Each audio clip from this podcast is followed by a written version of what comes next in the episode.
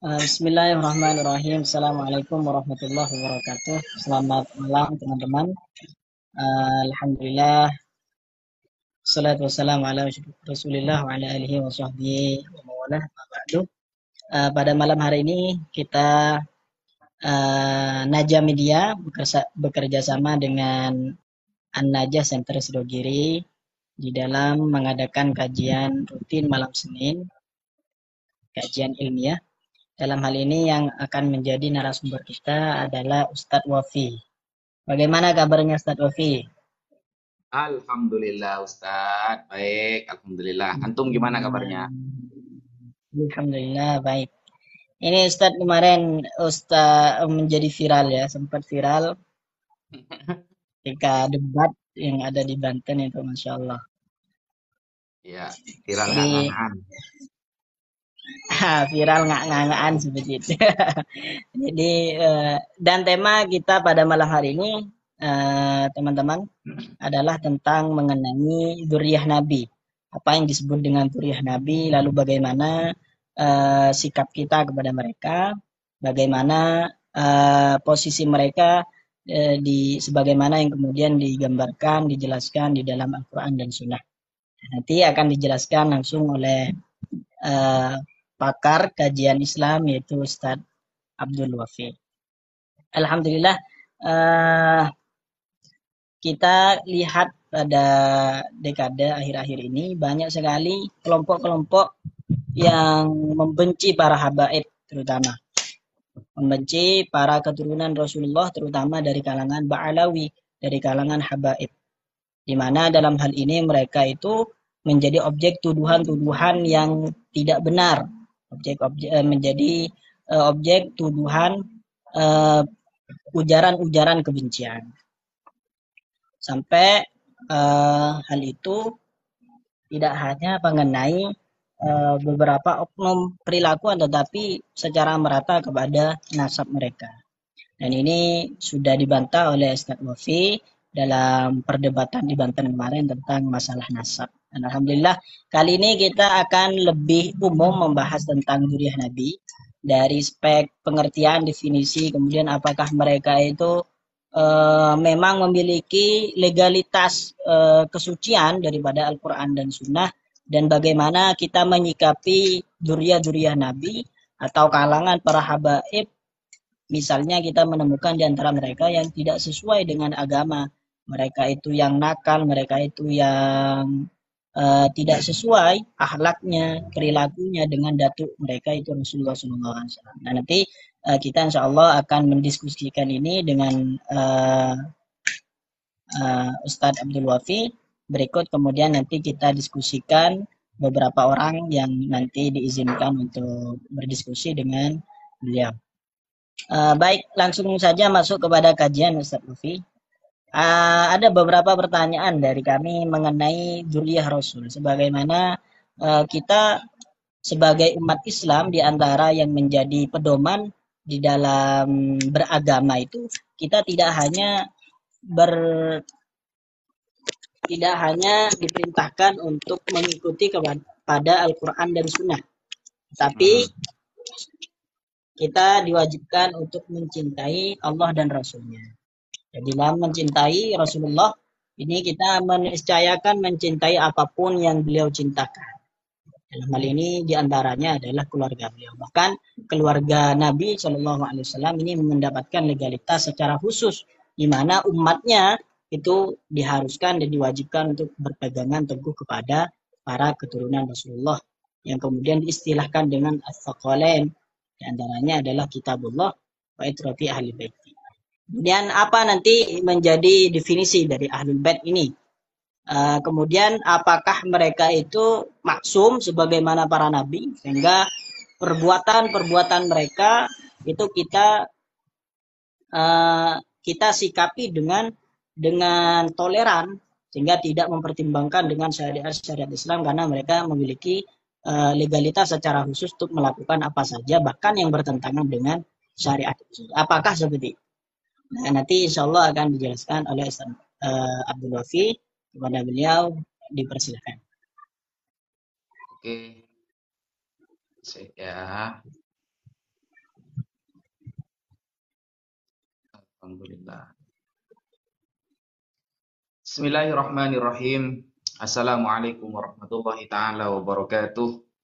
Alhamdulillah wassalatu wassalamu ala Rasulillah Sayyidina Muhammad bin Abdullah wa ala alihi wa sahbihi wa man wala amma ba'd. Sahabat muslimin yang dirahmati oleh Allah.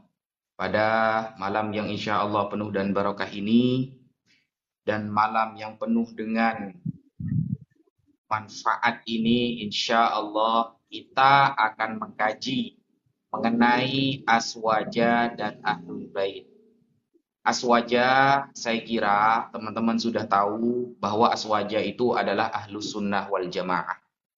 Siapa ahlus sunnah wal jamaah? Yaitu orang-orang yang mengikuti Nabi Muhammad Sallallahu Alaihi Wasallam dan mengikuti jalan-jalan para sahabat, terutama para khulafaur rasyidin.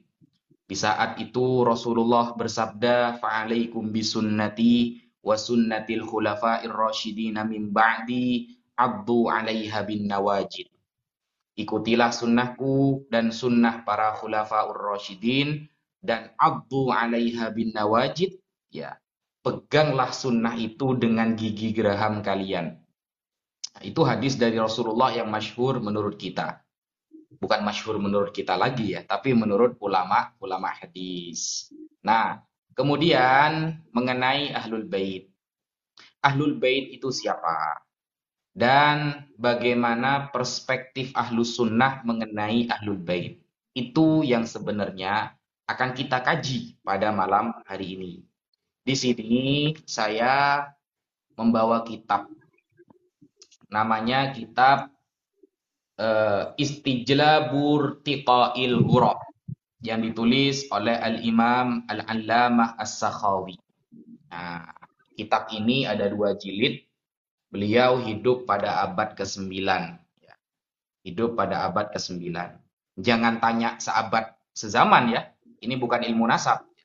Nanti nanya kitab sezaman nanti. Ini gak nyambung. Ini membahas tentang zuriyah dan ahlul bait.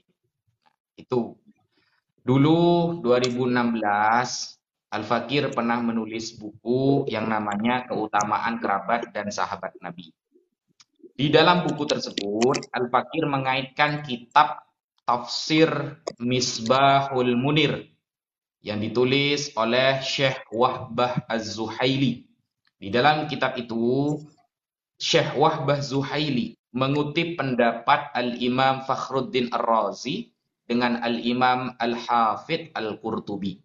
Nah, ahlul bait itu kalau kita memaknai secara sempit teman-teman, itu tertuju kepada Rasulullah dan anak cucunya. Sayyidah Fatimah, Sayyidina Hasan, Sayyidina Husain, dan masuk terhadap keluarga juga Sayyidina Ali karena muasyarah kepada bintu Rasulullah sallallahu alaihi wasallam. Itu yang disampaikan oleh Syekh Wahbah hmm. Az-Zuhaili di dalam kitab tafsirnya. Lalu kalau kita komparasikan dengan pendapat-pendapat para ulama, kan kemarin ada yang mengatakan bahwa zuriyah Rasulullah yang sekarang itu bukan termasuk ahlul bait. Dia mengkhususkan ahlul bait hanya kepada Sayyidina Hasan, Husain, Fatimah, dan Sayyidina Ali saja. Oke, pendapat itu memang ada. Tetapi pendapat itu tidak menjadi pendapat mayoritas para ulama.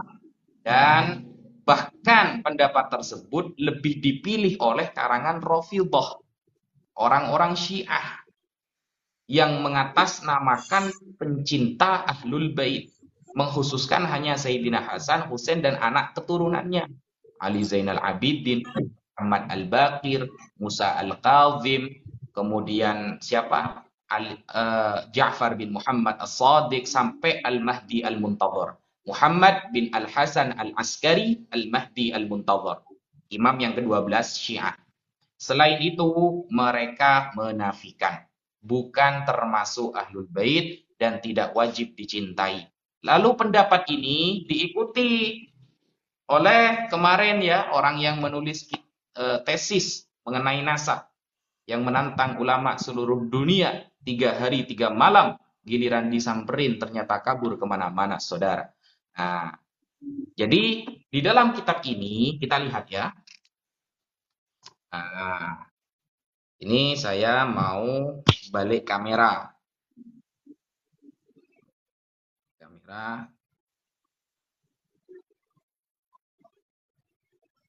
Nah, ini kitabnya Istijlabur Tiqail Ghuraf bihubbi Aqriba'ir Rasul wa Dhawi Syaraf yang ditulis oleh Al-Hafidh Syamsuddin Muhammad bin Abdurrahman As-Sakhawi. Nah, pada juz awal di halaman ke-13 ya. Di sini ada keterangan qala al-imamu Abu Bakar al-Ajurri fi kitab syariah Al-Imam Al-Ajuri mengatakan di dalam kitabnya Asy-Syari'ah Wajibun ala kulli mu'minin wa mu'minatin mahabbatu ahli baiti Rasulillah sallallahu alaihi wasallam. Wajib, wajib, bukan sunnah teman-teman ya. Wajib atas setiap orang yang beriman baik laki-laki maupun perempuan untuk mencintai ahlul bait Rasulullah sallallahu alaihi wasallam. Dan ini juga disepakati oleh seluruh ulama di dunia tanpa debat tiga hari tiga malam itu sudah sepakat ulama teman-teman. Tidak usah ada debat itu sudah sepakat. Al Imam Ibnu Katsir pendapatnya juga sama. Al Imam uh, eh, Al Ash'ari juga begitu.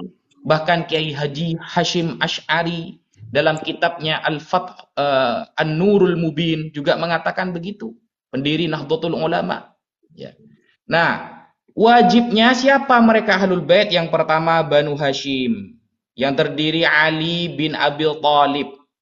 Termasuk ya karena muasyarah kepada bintu Rasulillah Sayyidah Fatimah. Beliau masuk. Itu juga disepakati oleh Al-Imam Fakhruddin Ar-Razi yang menulis kitab tafsir Ar-Razi, bukan Syajarah Mubarakah ya. Itu beda itu, Razi orang Syiah itu, gitu ya. Nah, wa waladuhu dan anaknya, wa dzurriyyatuhu dan keturunannya, wa Fatimah wa waladuha wa dzurriyyatuha. Dan juga Sayyidah Fatimah dan anaknya dan keturunannya. Wal Hasan wal Husain wa auladuhuma wa dzurriyyatuhuma. Hasan, Husain, anak-anaknya dan juga keturu keturunannya. Ini semua ini, masuk semua. Lalu biasanya ada pertanyaan, apakah istri Rasulullah juga termasuk? Istri Rasulullah itu juga termasuk ahlul bait Rasulullah. Nah, ini sudah saya catat tadi. Salah satu dalil bahwa istri-istri Rasulullah termasuk ya, termasuk dari ahlul bait adalah contoh seperti di dalam surah Hud ini saya tulis ya. Surah Hud ayat 73. Di sana Allah Subhanahu wa taala berfirman, "Qalu ata'jabina min amrillah." Rahmatullah wa barakatuhu alaikum ahlal baiti innahu hamidum majid. Ketika mereka mengatakan, apakah kalian heran dengan perintah Allah? Bahwa itu adalah rahmat Allah dan berkah dari Allah untuk kalian ahlal baiti wahai keluarga innahu hamidun majid. Nah, ayat ini menerangkan tentang istri Nabi Ibrahim alaihi salam. Asbabun nuzul atau keterangan mengenai ayat ini tertuju kepada istri Nabi Ibrahim alaihi salam. Di sini termasuk ahlul bait. Di dalam kitab mana? Ini tertulis dalam kitab Tafsirul Munir yang ditulis oleh Syekh Wahbah Az-Zuhaili ya. Tafsir Al-Munir Syekh Wahbah Zuhaili. Nah, bisa dibuka teman-teman ya. Jadi jelas istri-istri Rasulullah juga tergolong sebagai ahlul bait termasuk Sayyidah Aisyah ya.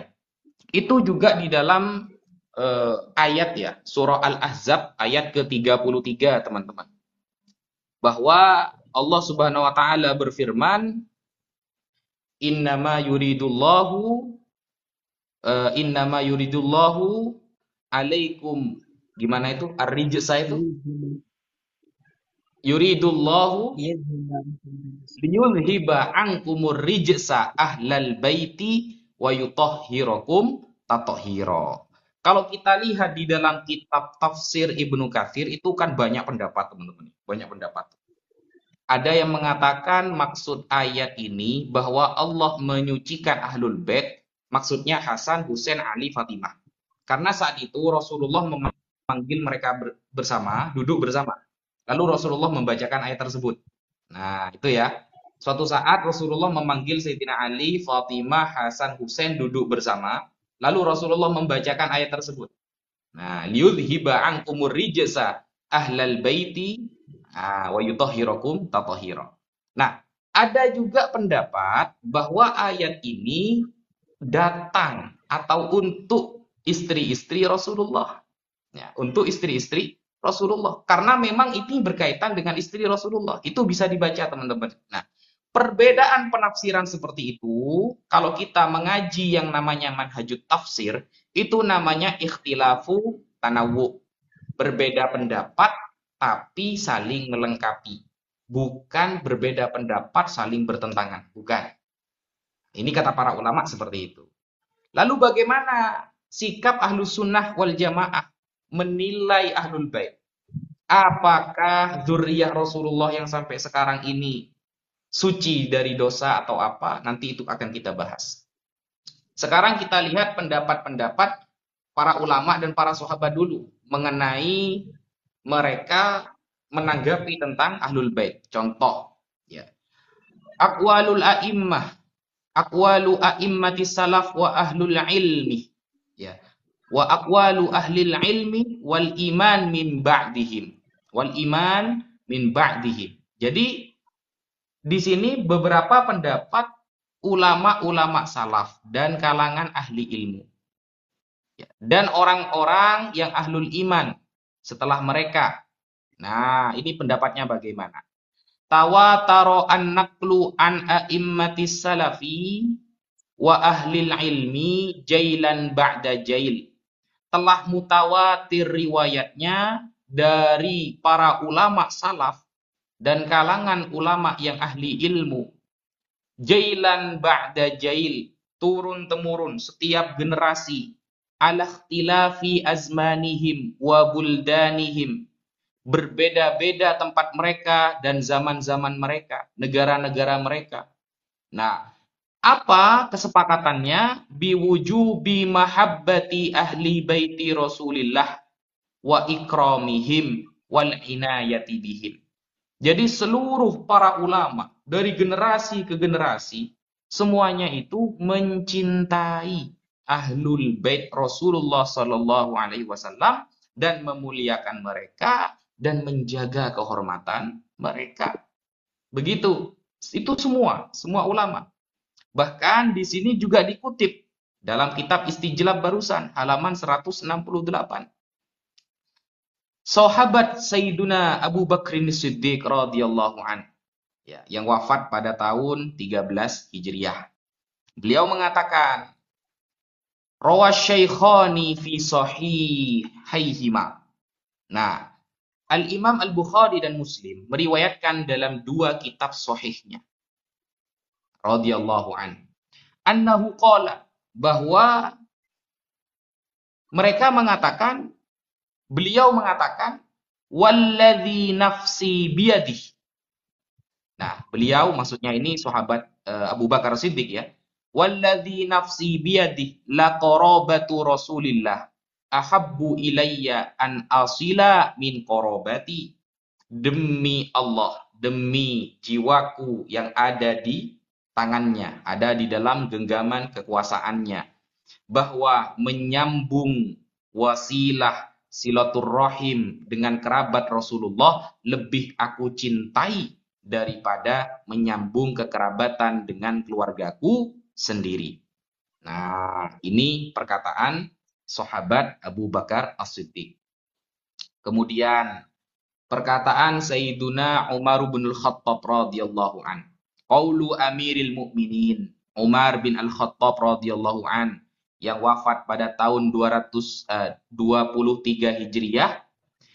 Rawa Ibnu Sa'ad fi Tabaqat meriwayatkan Al-Imam Ibnu Sa'ad di dalam kitabnya At-Tabaqat an Umar bin Al-Khattab ya dari sahabat Umar bin Al-Khattab annahu qala lil Abbas Suatu saat sahabat Umar bin Al-Khattab mengatakan kepada sahabat Abdullah bin Abbas radhiyallahu anhuma, "Wallahi," kata Sayyidina Umar, "wallahi demi Allah."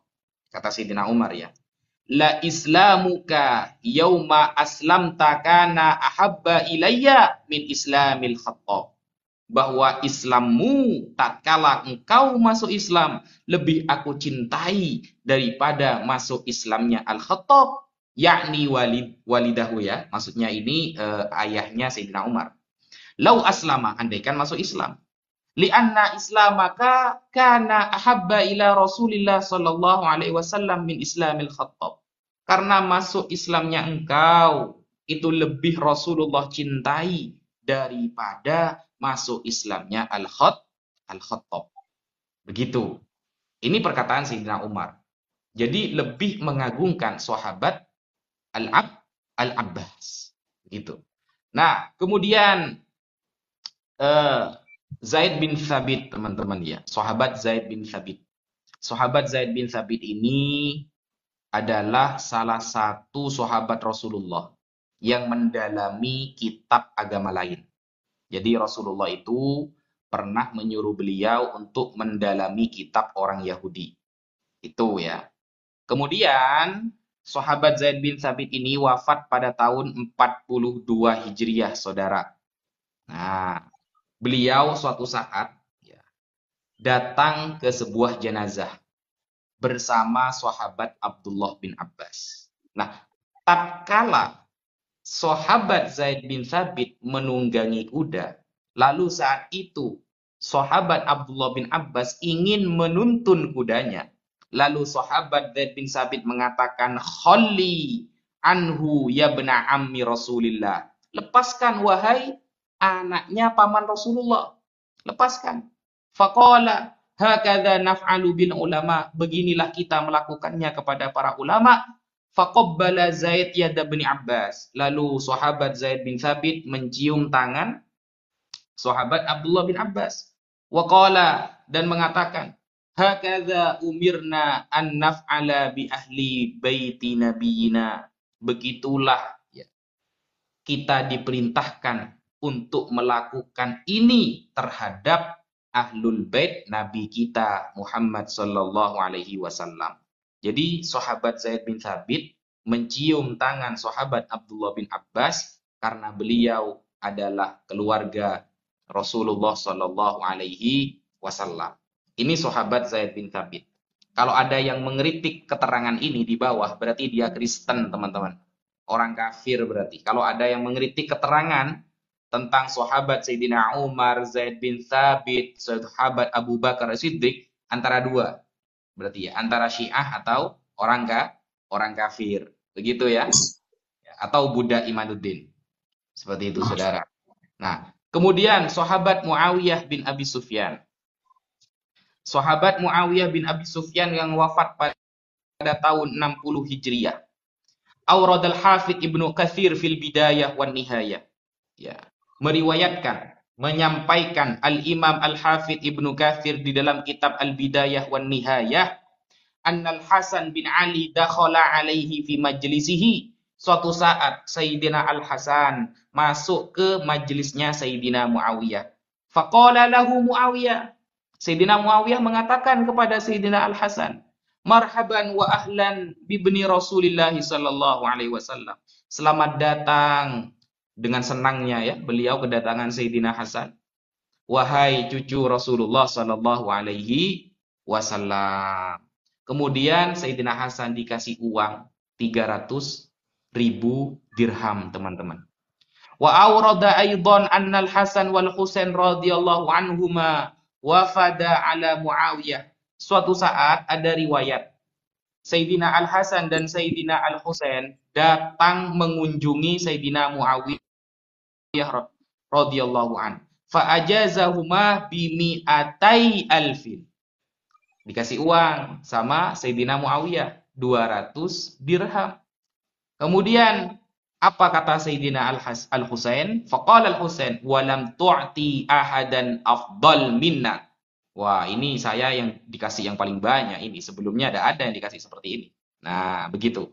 Nah, Kita kalau melihat pendapat para sahabat, para ulama yang sudah kami sampaikan barusan. Jadi minimal kita tahulah apa yang harus kita lakukan. Kalau kita yakin bahwa para sahabat adalah makhluk terbaik setelah Rasulullah Shallallahu Alaihi Wasallam wafat, maka tidak ada alasan bagi kita untuk tidak mengikuti para sahabat. Bahkan Qaulu bin Abbas radhiyallahu an, pendapat sahabat Abdullah bin Abbas radhiyallahu an yang mana beliau wafat pada tahun 608 Hijriah, qala Rozin bin Ubaid. Rozin bin Ubaid mengatakan, "Kuntu ibda bin Abbas." Suatu saat saya ada di sampingnya sahabat Abdullah bin Abbas radhiyallahu anhuma. Fa'ata Zainul Abidin Ali bin Al-Husain. Suatu saat datanglah cucu Rasulullah ya atau cucu Sayyidina Ali Ali Zainal Abidin. Faqala lahu Ibnu Abbas. Sahabat Abdullah bin Abbas mengatakan kepada Zainal Abidin. Apa perkataannya? Marhaban bil Habib ibnil Habib. Ya, selamat datang wahai Al-Habib kekasih Allah. Ya, Ibnil Habib anaknya kekasih Al Allah. Jadi Zainal Abidin dipanggil Al-Habib. Isnaduhu sahih. Sanatnya riwayat ini sahih. Nah, jadi panggilan Habib itu bukan baru saja. Panggilan Al-Habib itu sudah dulu dicontohkan oleh sahabat Abdullah bin Abbas pada tahun 608 Hijriyah wafatnya beliau. Ketika Zainal Abidin datang, beliau mengatakan marhaban bil Habib ibnil Habib. Nah, jadi panggilan seperti itu sudah lumrah. Jadi kalau ada orang Banten mengatakan bahwa panggilan Habib tidak bukan ajaran dari agama Islam, kan ada tuh ya. Ada orang Banten ngarang tesis, tesisnya ilmu nasab, bilangnya debat tiga hari tiga malam, giliran disamperin ke Banten nggak datang. Dia mengatakan, kalau panggilan Habib itu udah ada di agama Islam. Udah ada katanya. Yang pertama kali mengatakan istilah Habib itu adalah orang Yahudi dan Nasrani. Nahnu Allah wa ahibba'u. Kami adalah anak-anak Allah dan Habib-Habib Allah. Ini beda.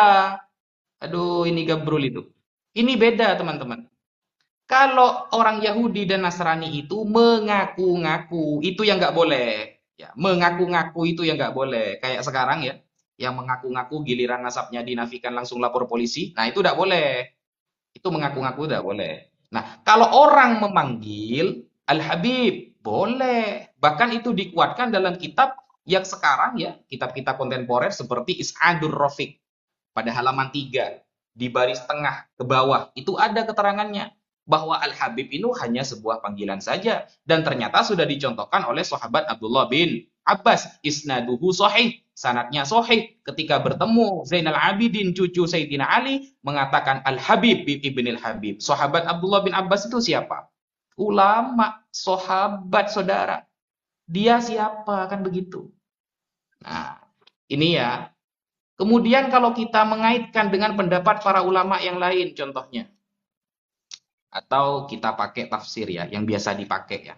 Seperti Qaulul Hafid Ibnu Kasir. Ya.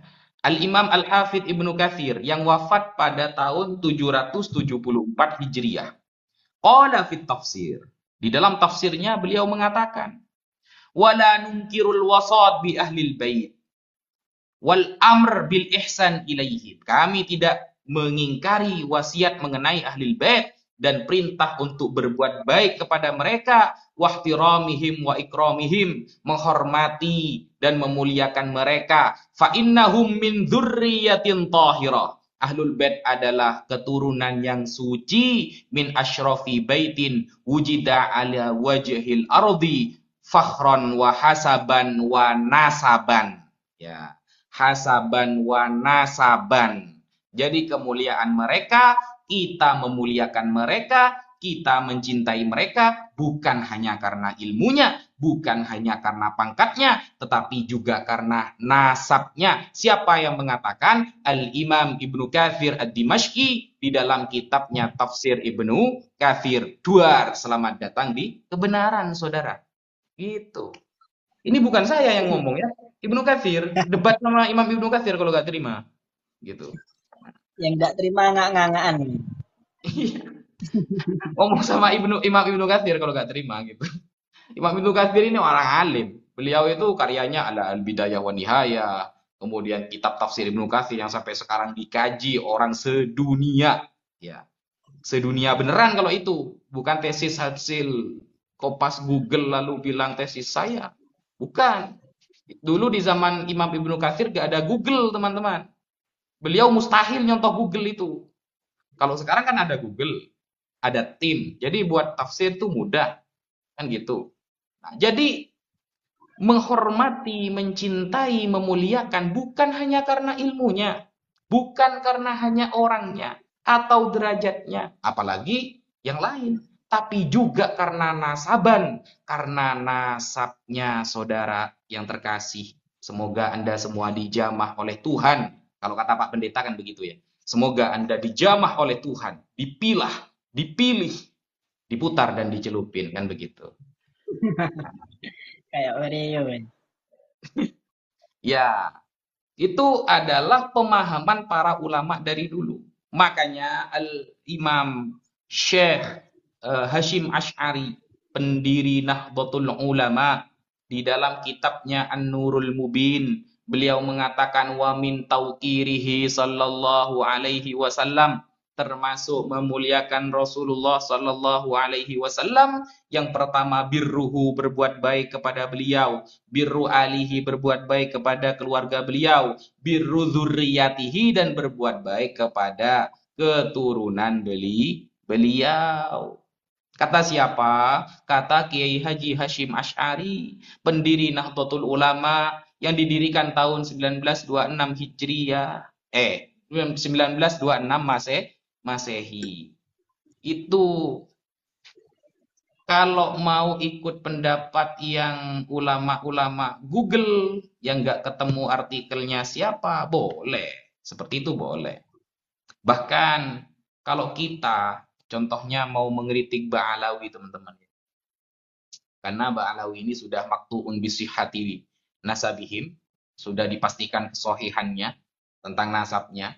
Kalau kita membuka kitab Ithafus Sadah Al-Muttaqin Bisyarhi Ihya'i Ulumiddin yang ditulis oleh Al-Imam Al-Hafidh Murtada Az-Zabidi di mukaddimah mengenai hadis di dalam Ihya eh di dalam Ithaf itu sanatnya dari Al-Habib Al-Idrus. Ada Ba'alawinya. Dan kitab Ithaf itu dikaji semua pesantren. Atau di dalam kitab Tobaqatus Syafi'iyah yang ditulis oleh Al-Imam Asy-Syarqawi. Imam Syarqawi itu punya kitab Tobakot. Juga punya kitab fikih. Namanya Fikih Asy-Syarqawi. Beliau itu alim alamah Syafi'iyah. Kitabnya dikaji semua pesantren. Dalam Tobakot Asy-Syafi'iyah, salah satu ulama yang masyhur menjadi madhab, menjadi ulama dalam madhab Syafi'i adalah Ba'alawi. Al-Habib Al-Idrus. Marganya Al-Idrus. Gitu. Bahkan kalau kita melihat kepada Al-Habib yang pertama kali digelari Jamalul Lail. Ini ya, saya punya kitab. Nah, nih. Ini saya punya kitab namanya Dakhiratul Khair fima sa'ala anhu Muhammad Baqis wa Umar Bajasair wa hiya fatawa fi fadaili alil bait wa hukukihim wa mabahif nabawiyah ukhra yang ditulis oleh Mufti Syafi'iyah bil Madinatil Munawwarah. Ini seorang mufti ya, seorang mufti ulama besar Syafi'i di Madinah namanya As-Sayyid Ahmad bin Alawi Bahasan Jamalul Lail Ba'alawi. Ya. Selama beliau menjadi mufti, tidak ada satupun ulama yang mengkritik nasabnya, saudara tidak ada. Gitu. Yang pertama kali mengkritik nasab-nasab ini adalah tulisan di Google yang dicopas oleh orang Banten. Maksudnya Kiai Haji Maduddin. Ya jelas ya. Nah, kemudian contohnya seperti kitab ini juga. Nih, Hasyiah Al-Qurdi Al-Musammat Al-Mawahibul Madaniyah ala Syarhil Muqaddimah Al-Hadramiyah. Syekh Al-Qurdi ini ulama terkenal mazhab Syafi'i. kitab hasyiahnya ini ternyata beliau dalam segala karyanya selalu mencantumkan gurunya. Nah, siapa salah satu gurunya? Nih. Salah satu guru beliau di sini disebutkan Entar. Talamidhuhu mu'allafatuhu ba'du syama'ilihi Kemudian uh, syuyuhuhu. Nah, Imam Muhammad Ahmad Ba Fadl wa Abdullah bin Ahmad Ba Mahromah. Ini kalau Baba itu biasanya anu kawan. Kalau Baba itu Yaman ya, Yaman. Jadi ini imigran Yaman juga ini ya. Kemudian di sini juga salah satu guru beliau Setar. Mana itu sudah? Tadi saya lihat. Syarif al-Imam al Nah, ini. As-Sayyid Asy-Syarif Al-Imam, uh, muridnya ya, muridnya.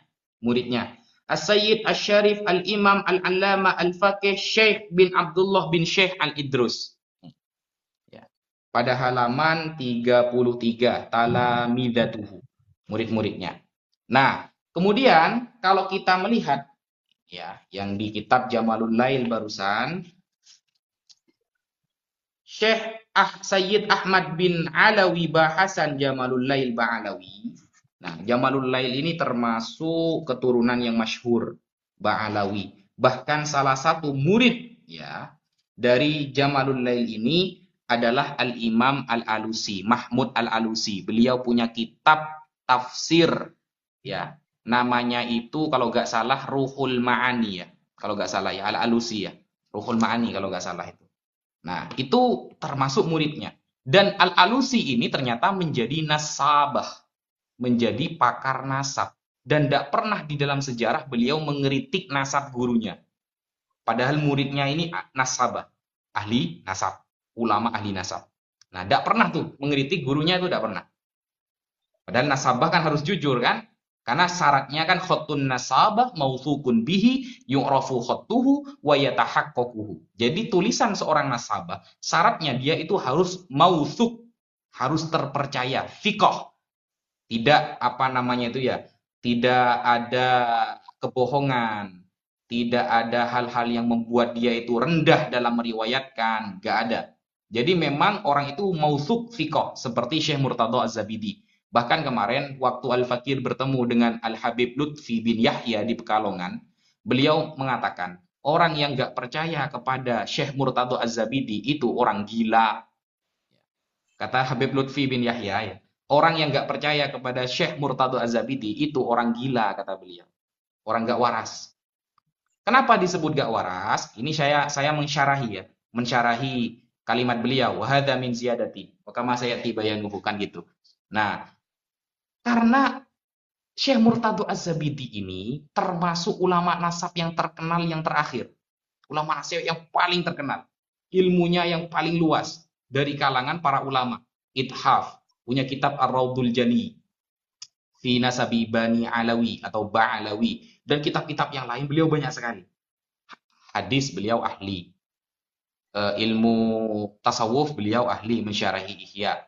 Kemudian tentang ilmu nasab beliau ahli Lalu dikritik oleh orang yang karangannya nyomor di Google kan lucu teman-teman, lucu sekali. Gitu. Ya. Jadi ini adalah tentang taukir ya, taukir kepada zuriyah Rasulullah, memuliakan zuriyah Rasulullah Shallallahu Alaihi Wasallam. Ahlu sunnah seperti itu. Lalu apakah ahlu sunnah meyakini bahwa keluarga Rasulullah, Habib, para habaib contohnya, itu maksum? Apakah terjaga dari dosa? Ya tidak. Ya, mereka tidak. Ini saya bacakan ya. Ibaratnya ya. Jadi Nah, ahlu sunnati la yakhrujuna fi wasfi alil bait anil masyru. Ahlu sunnah itu tidak keluar dari mensifati keluarga Rasulullah dari rel-rel syariat. Fala yughaluna fi awsafihim wa la ya'taqiduna ismatahum Jadi kita tidak meyakini dengan cara ekstrim dalam mensifati ya sampai sekarang ya para habaib itu kita tidak pernah menilai beliau ekstrim dan tidak meyakini bahwa beliau itu adalah maksum. Bal ya'taqiduna annahum basyarun taqa'u minhum adzunub. Bahkan kita meyakini bahwa dosa juga terjadi kepada mereka. Kama taqa'u e, min ghairihim. Sebagaimana juga terjadi terhadap orang-orang yang yang lain gitu. Uh, ya sudah. Itu aja. Mungkin itu dulu yang bisa saya sampaikan. Jangan panjang-panjang. Ini sudah satu jam ya. Uh, sudah banyak sekali sebenarnya campur aduk tadi sebenarnya pembahasannya random. Tapi dari keseluruhan itu kami dapat menyimpulkan bahwa uh, kita sebagai umat Islam terutama kalangan ahli sunnah wal jamaah itu sebenarnya telah dicontohkan oleh para salaf kita bagaimana sikap mereka yang mencintai dan sikap mereka yang sangat menghormati kepada para ahli bait. Bahkan kemudian disampaikan oleh ulama tadi yang dikutip oleh Ustaz Abdul Wafi bahwa di antara taukir kepada Rasulullah menghormati Rasulullah itu adalah taukir ahli bait yaitu memuliakan kepada keturunan-keturunan Rasulullah SAW. Kemudian polemik nasab itu perlu tidak perlu kami jelaskan kembali sebagaimana sudah dijelaskan oleh Ustadz Wafi. Namun begini Ustadz Wafi, kalau kemudian uh, dari sampean tadi menjelaskan bahwa uh, kemuliaan yang di mana kemuliaan keturunan Rasulullah ini meliputi dalam nasaban, wahasaban, dalam banyak hal sehingga kita sebagai umat Islam, umat Rasulullah memang selayaknya dan bahkan dikatakan oleh Imam Al-Hafidh As-Sakhawi tadi bahwa uh, yajib ala kulli mu'minin wa mu'natin mahabbatu ahli bait kan seperti itu. Bahwa kewajiban kita sebagai orang yang beriman adalah mencintai ahlul bait.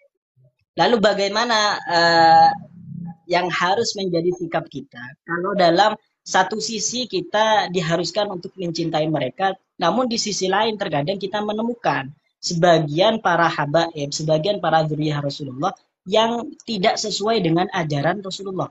Memiliki uh, akhlak yang tidak baik atau dalam penyampaian dakwahnya tidak sesuai dengan metode yang diajarkan oleh Rasulullah. Lalu kita sebagai umat Rasulullah bagaimana menyikapi hal itu? Ini ada dua sisi yang harus kita sama-sama uh, tanggapi. Pertama, dari satu sisi kita diwajibkan untuk mencintai mereka, namun di sisi yang lain kita juga harus amar ma'ruf nahi mungkar karena mereka menjadi, juga menjadi objek daripada amar ma'ruf nahi mungkar sebagaimana uh, yang lain karena mereka itu bukan bagian para utusan yang memiliki legalitas kemaksuman. Sehingga uh, bagaimana sikap kita untuk menyikapi hal itu? Artinya menyikapi para habaib yang tidak uh, memiliki uh, kesesuaian sikap atau ajaran atau akhlak dengan Rasulullah. Artinya bagaimana kita menegurnya, apakah sama dengan yang lain atau kita justru ketika mereka melakukan itu justru melakukan uh, nahi mungkar dengan uh, cara yang lebih keras karena mereka memiliki uh, kehati-hatian seharusnya yang lebih dijaga daripada umat yang lain. Oke, jadi bagaimana menyikapi ketika ada habaib atau zuriyah Rasulullah yang bermaksiat contohnya? Atau mereka melakukan kemaksiatan secara terang-terangan? Atau mereka menghina, mencaci, mencela yang tidak pada tempatnya, yang tidak dibenarkan oleh syariat, maka jelas wajib ala kulli mu'minin wa mu'minatin wajib untuk setiap orang Islam laki-laki dan perempuan semuanya menasehati beliau. Jadi kalau kita belajar di dalam ilmu balaghah itu Ustaz, ada orang itu namanya kholi. Ya. Nah, yang kalau kholi, al-kholi itu dinasehati. Kholi dihni, ya. Kan harus lihat muktadol halnya dulu. Kalau kholi dihni, maka cukup dinasehati. Kalau sudah ingkar, maka dikasih penegas. Tapi kalau muta'anid, nah kalau muta'anid ini maka kita pasrahkan kepada orang yang bisa memadamkan muta'anidnya. Contoh nih, ada salah satu habaib. uh, meminum homer, auzubillah, meminum homer di pinggir jalan di siang bulan Ramadan. Nah, kita kita nasihati. Gitu. Ketika kita itu dilawan oleh dia, ternyata kita tidak punya kekuatan untuk melanjutkan nasihat kita, maka pasrahkan kepada orang yang lebih berwibawa, orang yang lebih e, berkuasa mengenai urusan-urusan tersebut. Wajib dinasihati dan wajib ditindak seperti itu. Tidak boleh tidak adil, tidak boleh. Harus seadil-adil, harus seadil-adilnya ketika salah ya, ketika salah. Begitu tidak ada saya menemukan ada keterangan eh, para ulama lah. Belum saya temukan ya, belum saya temukan karena sejauh apa yang saya baca gitu. Ketika ada seorang duriah Rasulullah berzina seumpama naudzubillah atau minum khamr lalu kita tidak boleh menegur lalu kita tidak boleh menasihati tidak ada gitu saya belum pernah menemukan. Jadi tetap kita harus menasehati ketika nasihat itu diingkari, maka kita tegaskan. Ketika sudah muta'anid, kita pasrahkan kepada yang berwajib. Sekian, Ustaz.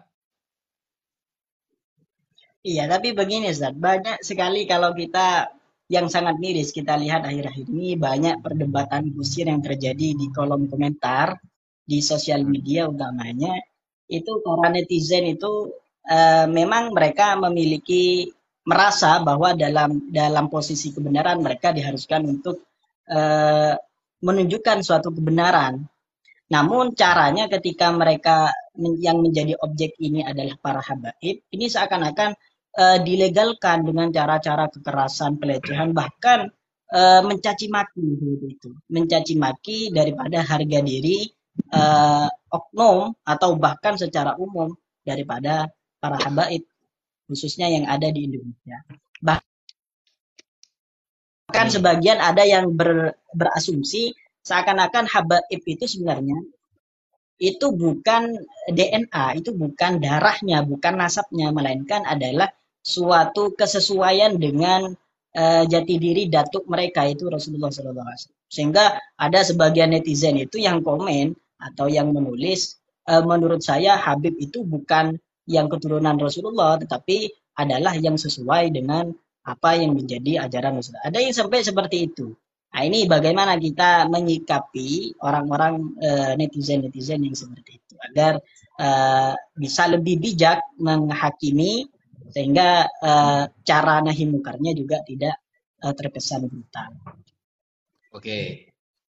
Jadi begini. Keluarga Rasulullah fidzatiyah itu memang ada. Jadi keluarga Rasulullah dalam zatiyahnya itu ya orang-orang yang benar-benar dalam tubuhnya ada darah Rasulullah, yaitu benar-benar keturunannya. Dan kalau dikatakan e, keluarga Rasulullah hanya sampai di saat itu saja, Hasan, Husain, Ali, dan Fatimah, ini saya kurang sepakat. Kenapa? Karena banyak hadis, mutawatir hadisnya. Bahwa Imam Mahdi itu min ahli baiti. Saya kasih tahu ya dalilnya ya. Imam Mahdi kan akhir zaman tuh. Bahkan tadi kan dikuatkan oleh pendapat Al-Imam e, Ibnu Kafir kan ya. Bahkan Imam Sakhawi kan mengatakan jailan ba'da jail. Ya, jailan ba'da jail bikhtilafi buldanihim wa azmanihim. Di berbagai zaman, di berbagai tempat, bahkan di setiap generasi semua ulama mencintai, menghormati zuriyah Rasulullah Shallallahu alaihi wasallam. Tadi jelas. Nah, sekarang kalau kita mau pakai hadis yang mutawatir tentang Imam Mahdi. Contoh. Ini ya. Kitab Al-Qaulul Mukhtasar fi Alamatil Mahdi Al-Muntazar yang ditulis oleh Al-Imam Ahmad bin Muhammad bin Hajar Al-Makki Al-Haytami. Nah, pada halaman 23 di sini tertulis Qala ba'dul a'immati. Sebagian para ulama mengatakan. Qad tawatarat al-akhbar. Ya, hadisnya sudah mutawatir. Wastafadat bikathrati riwayatiha. Sudah istifadhah riwayatnya anil Mustafa sallallahu alaihi wasallam yang jalurnya kepada Rasulullah sallallahu alaihi wasallam bimaji'il mahdi dengan datangnya Imam Mahdi wa annahu min ahli baitihi dan Imam Mahdi adalah termasuk ahlul baitnya Rasulullah sallallahu alaihi wasallam. Mutawatir ya. Nah, wa annahu sayamliku sab'a sinin bahwa Imam Mahdi akan merajai dunia ini tujuh tahun wa annahu yamla'ul arda adlan. Dan beliau akan mengisi bumi ini dengan keadilan. Wa annahu yakhruju ma'a Isa alaihi salatu wassalam. Dan beliau akan keluar bersama Nabi Isa alaihi salatu wassalam. Fayusa'iduhu ala qatil dajjal. Akan membantu beliau untuk membunuh Dajjal. Bi Babiluddin bi ardi Palestin. Di gerbang Lot di tanah Palestin. Wa annahu ya ummu hadhil ummah. Dan Imam Mahdi akan menjadi imamnya umat ini saudara. Wa Isa yusalli khalfahu. Dan Nabi Isa akan sholat di belakang Imam Mahdi fitulin min kissotihi di sepanjang cerita beliau. Ya ini jelas ya. Berarti sampai akhir zaman itu ada ahlul bait Rasulullah Sallallahu Alaihi Wasallam. Jadi seperti itu Ustaz Widat Oke, okay. uh, eh, mungkin kita langsung beralih ke sesi per, uh, tanya jawab nih, Zat. Tanya jawab. Oke, ntar. Ini saya naikkan dulu ya. Satu-satu aja teman-teman ya. Satu-satu oh, saya teman -teman naikkan. Ini banyak sekali yang mau nanya. Khususnya yang yang mungkin kita filter yang sesuai dengan tema saja, Zat agar ya. pembahasannya tidak terlalu sensitif. Betul. Jadi saya naikkan satu persatu aja. Satu pertanyaan ya, satu pertanyaan yang banyak-banyak. Ini yang mau naik banyak soalnya. Iya. Assalamualaikum warahmatullahi wabarakatuh. Waalaikumsalam warahmatullahi wabarakatuh. Alhamdulillah, tabarakallah. Sambung doa, Ustadz. Ya, sama-sama, sama-sama, Mas. Ini terkait anu, Ustadz uh, ada teman saya Ustadz, istrinya itu ada empat Ustadz. Terus yang iya istrinya ada empat. Terus eh, istrinya ada empat. Terus yang satunya ini Ustadz, yang nomor empat ini ditalak Ustadz. Uh, terus kan biasanya kalau mau beristri lagi itu kan nunggu iddah yang perempuan ya Ustadz, yang nomor empat itu. Ini kaitannya sama aswaja dan ahlul bait, jangan keluar tema. Oh, Pertanyaannya harus ya, ini kita fokus dengan asmaja dan saja. Oh iya ya Ustaz ya kalau kalau itu saya uh, semi'na wa kepada ajunan Ustaz kalau masalah aswaja ahlul bait Ustaz. Siap. Insya Allah kalau bab perjandaan kita agak maleman nanti. Oh amin. Ya sudah Ustadz, mungkin lainnya nanti saya minta minta naikin Ustadz uh, mau nanya ya. tentang tentang yang tadi itu Ustadz. Oke, saya turunkan Boleh. dulu Pak Bukti ya. Boleh netap atau gimana Ustadz? Turun dulu, turun dulu ya, biar oh, iya, campur Terima kasih Ustadz. Assalamualaikum warahmatullahi wabarakatuh. Waalaikumsalam. Ya, sekali lagi kami informasikan kepada teman-teman yang mau bertanya usahakan pertanyaannya jangan sampai keluar dari pembahasan dari apa yang sudah dijelaskan oleh Ustaz Abdul Wafi tadi. Ya, ini saya agak tahu ya, saya naikkan uh, uh, bentroben ini. Ya, Assalamualaikum. Waalaikumsalam warahmatullahi Ya, apa yang disampaikan? Ini Gus, uh, berkaitan dengan surah Al-Ahzab tadi, itu kebetulan saya hari ini dapat satu video gitu. Jadi ada seorang uh, kiai dari Jawa Tengah kalau tidak salah pimpinan pondok juga dan uh, pengaruhnya luar biasa juga Gus. Jadi beliau menyebutkan gini Gus. Uh, di ayat itu kan ada wa tathira jadi mustahil habaib itu berbuat dosa gitu. Nah mustahil kenapa? Karena di surah Al-Ahzab itu Allah yuridu liyudhib ankum rizawa uh, ahlal bait yutahhirakum tathira di situ, Gus. Jadi kalau yang buruk-buruk akhlaknya itu itu dipastikan bukan habaib, bukan keturunan Rasul, bukan uh, ahlul bait Rasul. Karena ada wa yutahhirakum tathira. Karena ahlul bait Nabi itu selalu uh, disucikan oleh Allah Subhanahu wa taala. Nah, begitu Gus. Tafadhol bagaimana uh, tanggapannya, Gus? Tadi kan sudah saya jelaskan ayat ahlul baiti wa yutahhirukum tathira itu kepada Sayyidina Hasan, Hussein, Ali dan Fatimah ada yang mengatakan istri-istri Rasulullah. Nah, tapi untuk kewajiban mencintai, menghormati, itu terus sampai zuriyah, keturunan. Gitu. Kan sudah barusan. Ya, saya, saya, saya berarti nggak ada kaitannya dengan saya, ahlul bait gitu ya? Ada kaitannya. Nah, dengan ahlul bait Nabi dengan zuriat Nabi gitu, Gus. Tapi dalam ya, gimana, Ustaz Bidat? Ya, jadi tadi sudah dijelaskan sebenarnya mengenai surat Al-Ahzab tadi bahwa yang dimaksudkan oleh para ulama tafsir mengenai ahlul bait yang dalam konteks ayat ini uh, innama yuridullahu liyudhiba ankum rijsa ahlul bait wa yutahhirukum tathira di situ maksudnya ada ahlul kisah. Ahlul kisah ini menurut para ulama, menurut riwayat para ulama ini meliputi kepada keluarga Rasulullah yaitu Sayyidina Ali, Sayyidina Fatimah, Hasan dan Husain. Namun di dalam menafsiri dan mendefinisikan, mengartikan ahlul bait itu para ulama tidak hanya berkecukupan kepada ahlul kisah, tapi kepada semua zuriyah daripada uh, Sayyidah Fatimah seperti itu. Tadi sebenarnya ini sudah uh, penjelasan yang sudah dijelaskan tadi oleh Ustaz Abdul Wafi. Betul. Siap, syukran, syukran Gus. Fadal yang lain. Syukran Ustaz. Mas Uci, jazakallah khairan. Yang lain. Coba kepada yang lain mungkin ada yang mau bertanya. Banyak ini, ngantri ini, yang naik ini. Ini kalau dinaikkan semua full ini.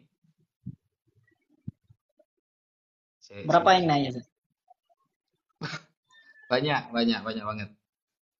Uh, banyak banget. Saya pernah warase ini saya naikkan ya.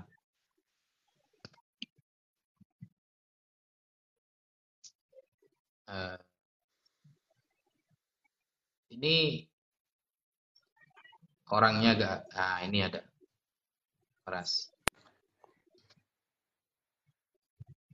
Ya, Mas pernah waras. Assalamualaikum Waalaikumsalam. Waalaikumsalam. Ya, ada yang mau Ini Tat, aku mau tanya masalah ahlul bait. Iya, aku ingin tanya. Eh, terkait masalah ahlul bait bahwa eh, bukannya para ulama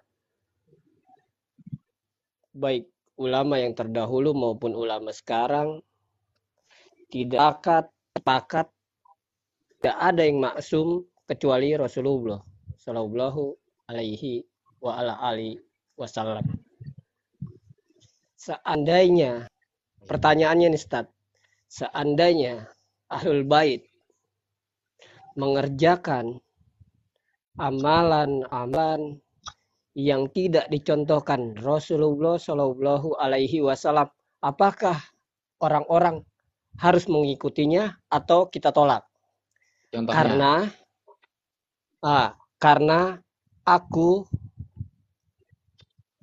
kita tahu bahwa ada hadis mengenai bahwa dari Aisyah radhiyallahu an bahwa eh, apa namanya perkara-perkara yang tidak ada contohnya dari Nabi maka akan tertolak. Padahal Ustaz. Untuk ini karena ini sebenarnya lebih apa ya menyerempet ke bab lain. Monggo Ustaz Bidat saja yang menjawab. Ya, contohnya ini contohnya ini. Caranya perkara uh, seperti perayaan perayaan perayaan. Kayak Maulid Nabi yang nah. aku uh, yes, uh, apa yang aku tahu kan bahwa itu tidak ada sama sekali di zaman Rasulullah sahabat maupun uh, imam empat mazhab sementara uh, itu bisa dikerjakan gitu. Di zaman Rasulullah para sahabat itu bisa dikerjakan. Kenapa tidak dikerjakan kalau amalan itu baik? Masya Allah. Bukan itu hanya aja, mazhab loh mas. 13 mazhab ada yang melakukan gitu. Iya makanya yang aku yang aku pertanyakan ini nih pertanyaan dalam hati nih Ustadz yang bagaimana Ustadz uh, ini aku minta jawabannya gitu. Hmm. monggo Ustadz Widat bagian ini. Bagian ini jadi ini adalah pertanyaan sebenarnya keluar dari Jawa, uh, dari apa yang sudah dijelaskan tema gila uh, tema kita kali ini yaitu aswaja dan ahlul. Mengenai apa yang tidak dikerjakan oleh Rasulullah, ini kita tidak perlu membahasnya panjang lebar sebenarnya. Uh, ini sebenarnya sudah dibahas di banyak tema tentang konsep bid'ah. Kalau kita membahas hal ini, justru akan semakin lama nanti dan pembahasannya ke mana-mana. Mungkin kalau menurut saya, kasihan kepada teman-teman yang antri lain, yang pembahasannya lebih lebih fair ya, lebih bagus, lebih sesuai dengan kajian ya, Jawab Mungkin, jawab aja, uh, untuk enggak gini kan, gini kan, kan kan para habaib kan di Indonesia kan banyak-banyak ini tat, apa namanya pengikutnya kan.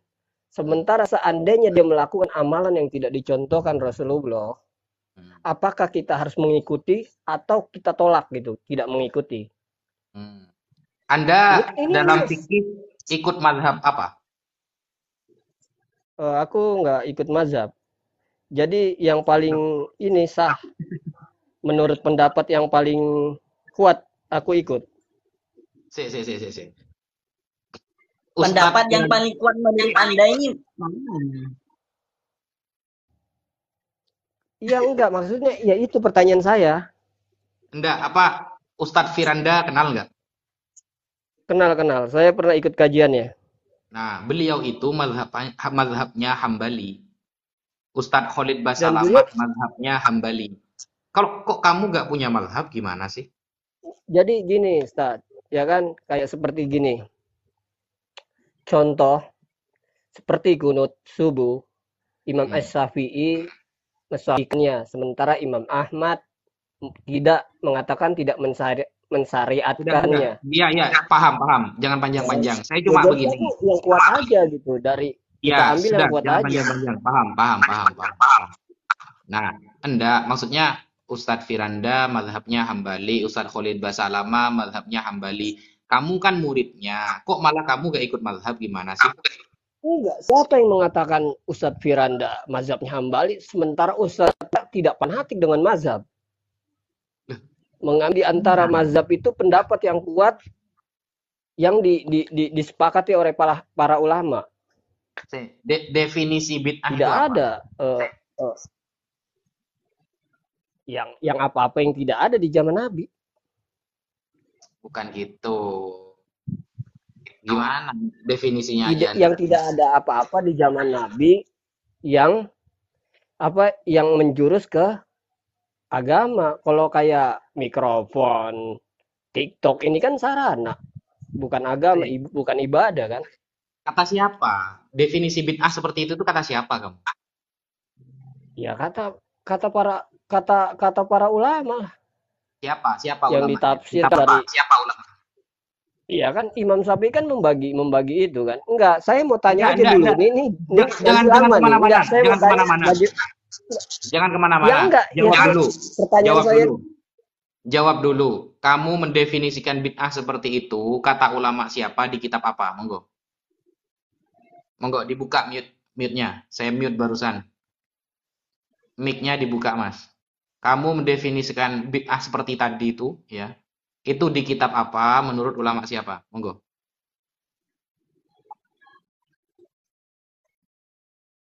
Halo? Mic-nya dibuka, Mas. Itu mic-nya. Yang tidak ada apa yang tidak ada di zaman Nabi dan para sahabat. Ya. Kemudian di kitab apa menurut ulama siapa? Monggo. Ya salah satunya uh, Albani, di kitab apa? Ahli hadis. Hah? Di kitab apa? Si Albani di kitab apa? Ad-Doifa. Mana ada kitab Ad-Doifa? Si Albani itu. Ad-Doifa. Gak ada kitab Albani itu Ad-Doifa. Gak ada. Gak ada. Asohiha kan ada kan? Aduh, asolihatun konitatun hafidotun itu udah ada itu. Nama kitabnya dulu. Jangan saya buka gak, nanti. Gak tahu. Gak tahu. Gak gak gak usah. Ya udah. Ya udah. Ya udah pokoknya itu orang baru belajar tat, baru belajar. Kemarin juga aku ikut-ikut agama orang tua juga ya kan. Nah, nah itu aja yang aku tanyakan nah, tuh itu jangan aja. gitu dulu. Jadi bertanya itu harus tahu dari awal. Albani itu yang punya kitab namanya Silsilatul Ahadis Ad-Dhaifah. Itu nama kitabnya. Tapi Kalau Anda merujuk kepada kitab itu, kan nama kitabnya aja kamu nggak tahu ternyata kan. Nah, di awal mukaddimah sampai akhir, definisi yang kamu sebutkan itu udah ada. Nggak ada. Jadi kamu, aduh gimana sih mas?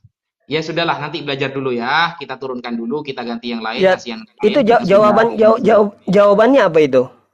Yang tentang amalan-amalan itu yang kalau seandainya kita ikut para habaib, apa kita apakah kita tolak atau enggak? Eh, Itu belum dijawab itu. itu menurut Anda alim apa tidak? Nah, kenapa kenapa tanya saya saya mau baru, Tat.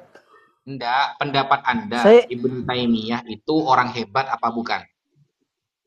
Orang hebat. Nah, wes, saya kunci. Ibnu Taimiyah orang hebat kan? Beliau itu orang alim. Karyanya sangat banyak. Iya. Beliau mengatakan, Iya. beliau berpendapat mengenai Maulid Nabi. Ini pendapat beliau ya. Iya. Iya. Pendapat beliau. Buka kitab Ibnu Taimiyah yang bernama Iya. Ittiba'us Siratil Mustaqim limukhalafati ashabil jahim.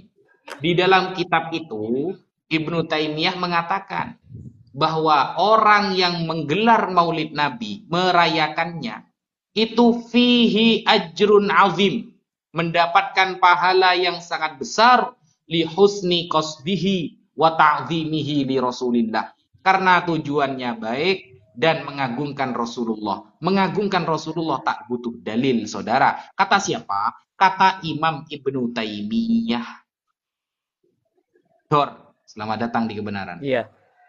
Tapi kan Ibnu Ibnu Taimiyah Ta- Taimiyah itu kan bukan nabi, Tat. Dia ulama, bisa salah dan bisa benar ketika meneliti sesuatu ini gitu kan. Nah, bukan nabi. Jadi kita ikutnya kan hadis, bukan bukan ini. Bukan Oke, bukan apa hadis ya. perkataan ulama. Ikut Iya, hadis bukan perkataan ulama kan. Oke, ikut Eh, ini hadis wajar tapi ini ini ini pemula nih, ini pemula nih. Ya, ikut hadis ya. Berarti anu ya, apa Iya. konsisten ikut hadis ya. Iya. Nah, oke. Konsisten sekarang ikut hadis. An Abi Qatadah Al-Ansari. Anna Rasulullah sallallahu alaihi wasallam su'ila an saumi yaumil itsnin. Faqala fihi wulidtu wa fihi unzila alayya. Diriwayatkan dari sahabat Abi Qatadah Al-Ansari. Riwayat Imam Muslim hadisnya sahih. Bahwa tatkala beliau berpuasa hari Senin, beliau ditanyakan, Kenapa engkau berpuasa hari Senin ya Rasulullah? Kata Rasulullah, karena di hari Senin aku dilahirkan, berarti beliau merayakannya dengan cara berpuasa. Nah, lalu merayakan dengan cara makan-makan dengan kumpul-kumpul bersama apakah ada? Ada. Riwayatnya sahih an Anas bin Malik anna Rasulullah sallallahu alaihi wasallam aqqa an nafsihi ba'dan nubuwah ma'a anna jaddahu Abdul Muttalib qad aqqa anhu fi sabi'i wiladatihi wal aqiqah la tu'adu marratan saniyah. Sekarang saya tanya, akikoh itu perayaan kelahiran atau perayaan kematian? Ah, Yang mana yang mana? Tat Akikoh itu perayaan kelahiran, haji atau kematian? kelahiran. Kelahiran. Rasulullah diriwayatkan dari jalur sahabat Anas bin Malik. Hadisnya sahih bahwa ketika Rasulullah diangkat menjadi nabi, beliau berakikoh, merayakan hari kelahirannya dengan makan-makan bersama dan kumpul-kumpul dengan para sahabat. Padahal di tujuh hari kelahirannya, beliau sudah pernah diakikohi oleh kakeknya Abdul Muttalib. Akikoh itu dalam syariat tidak boleh terjadi dua kali. Maka akikoh yang kedua ini, beliau sedang merayakan kelahirannya dengan cara makan-makan bersama dan kumpul-kumpul dengan para sahabat. Di, Ayo, di, di, di kitab mana itu, Tat? Di dalam kitab namanya Al-Hawilil Fatawi Juz 2 yang ditulis oleh Al-Imam Abdurrahman bin Abi Bakar As-Suyuti yang wafat pada tahun 911 Hijriah, Saudara. Tapi Sudah jelas sudah mungkin Nah, Eh, ya udah udah udah udah dulu lah, udah dulu soalnya Ari Tat. Makasih Tat, Tat. Makasih, makasih penjelasannya. ya, Nanti kapan-kapan naik lagi ya kan.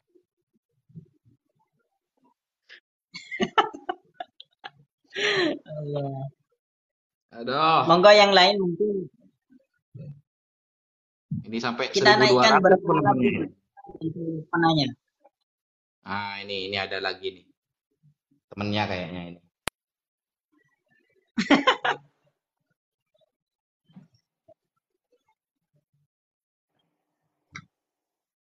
Ini sampai 1200 penontonnya ini. Assalamualaikum, ya hey, Ustadz. Ustadz, Waalaikumsalam. Ustadz siapa namanya? Yang An-Najah itu? Yang account An-Najah? Anajar Ustaz Widat, Widat. Oh, Ustadz beda. Masya Allah. Ganteng dia. Ah, ini ini eh, balik lagi ke tema pembahasan Ustadz ya. Saya juga NU Keluar tema Ustadz, tapi saya kurang sepakat dengan itu dengan yang debat apa itu namanya Ustadz? Yang dengan Gus Imat ya? Apa itu dia? Ini temanya Aswaja dan Ahlul Bait. Tolonglah Iya. pertanyaannya itu fokus biar gak Oke, ke mana-mana. oke. Oke, Ustadz. Eh, saya ada lihat eh, status. Dia berkata, satu orang yang Habib itu bodoh lebih baik dari 70 orang ulama alim. Itu kalam siapa Ustadz? Betul lah itu. Ustadz pernah dengar tak? Ya. Ya, mohon dijawab Ustadz. Oke. Masya Allah. Al-Fakir, ya, Al-Fakir, ya. Lebih mem- itu kan ada perbedaan ulama. Kalau Nah, iya. kita mau membahas, kalau kita mau membahas min dzatiyatihi dari dzatiyah orangnya, orangnya maka jelas yang ada darah Rasulullah jauh lebih ula, lebih mulia daripada yang tidak ada darah Rasulullah. Itu dzatiyah ya, orangnya ya, tubuhnya yang ada darah Tubuhnya. Rasulullah Iya, iya. keturunan Rasulullah jauh lebih mulia. Tapi kalau maksudnya aridi, sesuatu yang datang dari luar, bukan tubuh, maka jelas orang ulama jauh lebih alim, eh, jauh lebih mulia daripada zuriyah Rasulullah.